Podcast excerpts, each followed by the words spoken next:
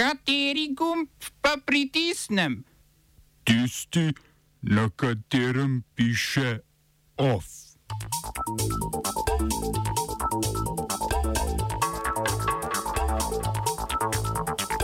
ساق الخري إلى من جرت وخ الخري إلى من ترك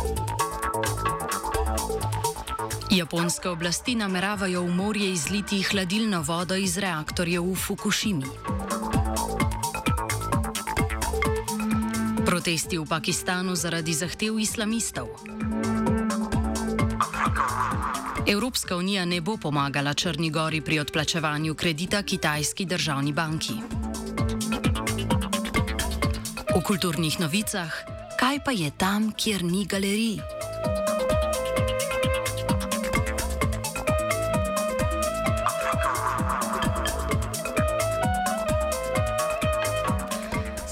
Japonske oblasti so sporočile, da bodo v Pacifiku v prihodnih letih izpustile vodo, ki so jo uporabljali za hlajenje reaktorjev v nuklearki v Fukushimi.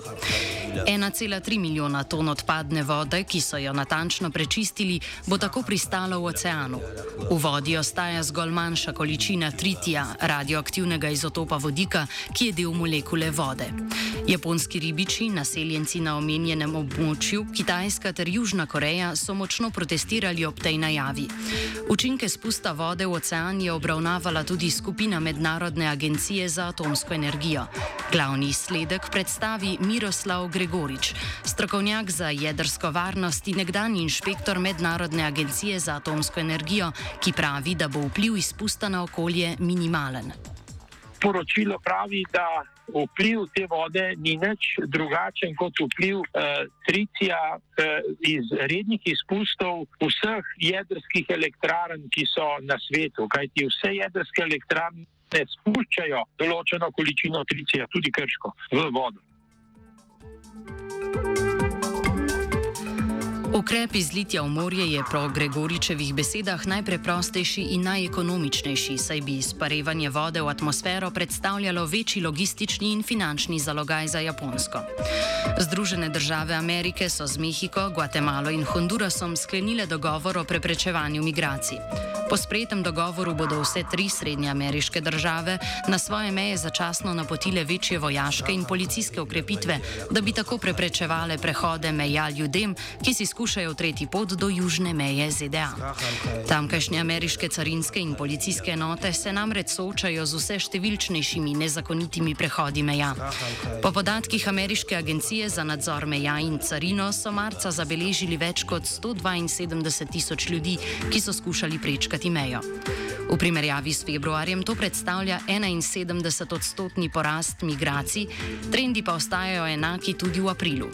Vendar ohranitev politike ločevanja družin in zadrževanja prosilcev za azil na drugi strani meje nakazuje, da se Joe Biden za zdaj še ni kaj dosti odmaknil od politike Donalda Trumpa.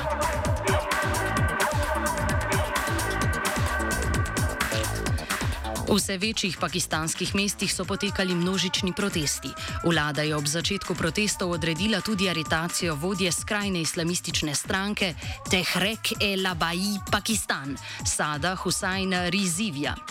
Ljudi je k protestom spodbudilo to, da vlada ni upoštevala dogovora, ki ga je sklenila z islamisti. Omenjeni dogovor, ki je bil sklenjen novembra lani ob protestih zaradi izjav francoskega predsednika Emanuela Macrona ob umoru francoskega učitelja Samuela Patija, je predvideval prepoved prodaje francoskih izdelkov, pomilostitev protestnikov ter izgon francoskega veleposlanika iz Pakistana.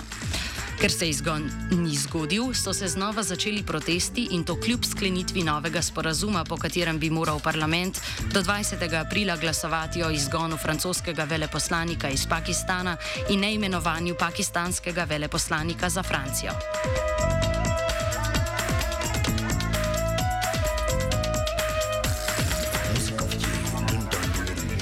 Tudi drugod potekajo razprave o ureditvi na mejah.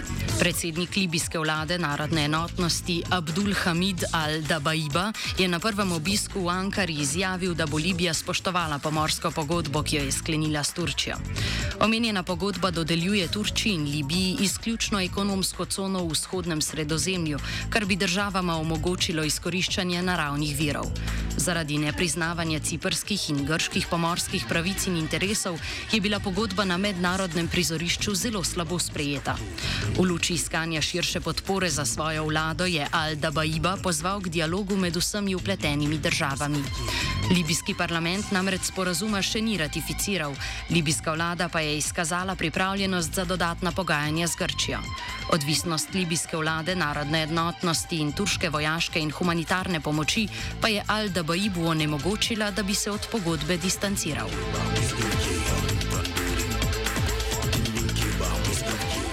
Evropska unija Črni Gori ne bo pomagala pri odplačevanju kredita kitajski državni izvozno-uvozni banki. Črna Gora je kredit najela za izgradnjo avtoceste od pristanišča Bar do srpske meje, odkuder bi povezava potekala do Beograda. To cestno povezavo gradi kitajsko podjetje China Road and Bridge Corporation, ki je prav tako v državni lasti. Zaradi zamud pri delu se je cena izgradnje zvišala z 800 milijonov na 1,3 milijarde evrov. Črna Gora je z gradbenim podjetjem že sklenila nov sporazum, za poplačilo pa se je obrnila na Srbijo, da bi se sosedi skupaj potegovali za sredstva za dokončanje avtocestne povezave.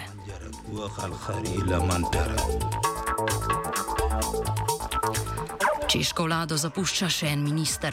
Po ministru za zdravje Janu Blatniju, ki ga je premijer Andrej Babiš razrešil dožnosti preteklo sredo, je isto usodo doživel še zunani minister Tomaš Petriček.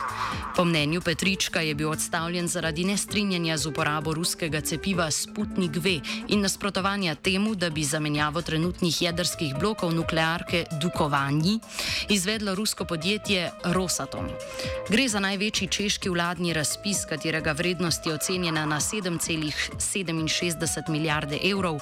Poleg ruskega podjetja pa so ponudniki še francoski EDF, južnokorejski KNHP in kanadsko-ameriški Westinghouse. Petrička bo na položaju začasno nadomestil notranji minister Jan Hamaček. Oba, če, če bom odgovoril na angliški.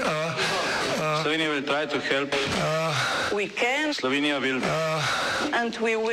naš utmost, da bo rekla, da je situacija naš problem. In bomo naredili nadaljnje korake, as soon as the conditions are. Bomo vlado Marjana Cererera Šarca podprli. Very, very serious. From Slovenija. We know how and we will. Posvetovalni referendum o preimenovanju Titove ceste v Radencih bo najverjetneje 13. junija, če bodo razmere to dopuščale. Skupina Enotni za Radence je oddala 331 podpisov za razpis referenduma. Župan Roman Leljak pa bo datum še predlagal občinskemu svetu. Svetu. Trenutno nekdanja Titova cesta nosi ime Cesta osamosvojitve Slovenije, čeprav je ustavno sodišče odloko spremembi imena do svoje dokončne odločitve zadržalo. Veleposlanico Slovenije v Sarajevu so poklicali na pogovor na sedež predsedstva Bosne in Hercegovine, da bi pojasnila ozadje govoric o dokumentu, ki naj bi ga slovenska vlada v okviru priprav na predsedovanje Evropski uniji v drugi polovici letošnjega leta predala predsedniku Evropskega sveta in v katerem je kot ena izmed prioritet navedeno končanje razpada Jugoslavije. To naj bi se nanašalo na vprašanje morebitnega razpada Bosne in Hercegovine. Domneve, da naj bi slovenski politični vrh razmišljal v tej smeri, je še podprl hrvaški član predsedstva BIH Željko Komšič, ki je javno povedal, da je slovenski predsednik Borut Pahor to temo odprl na nedavnem srečanju. Kot trdi Komšič, mu je Pahor povedal, da se zadnje čase vse pogosteje govori o rešitvi večne bosanske politične krize z razkosanjem BIH in ga vprašal, ali meni, da je možen miren razpad Bosne. Odgovor Košiča in bošnjaškega člana predsedstva Šefika Džaferoviča je bil nepresenetljivo ne.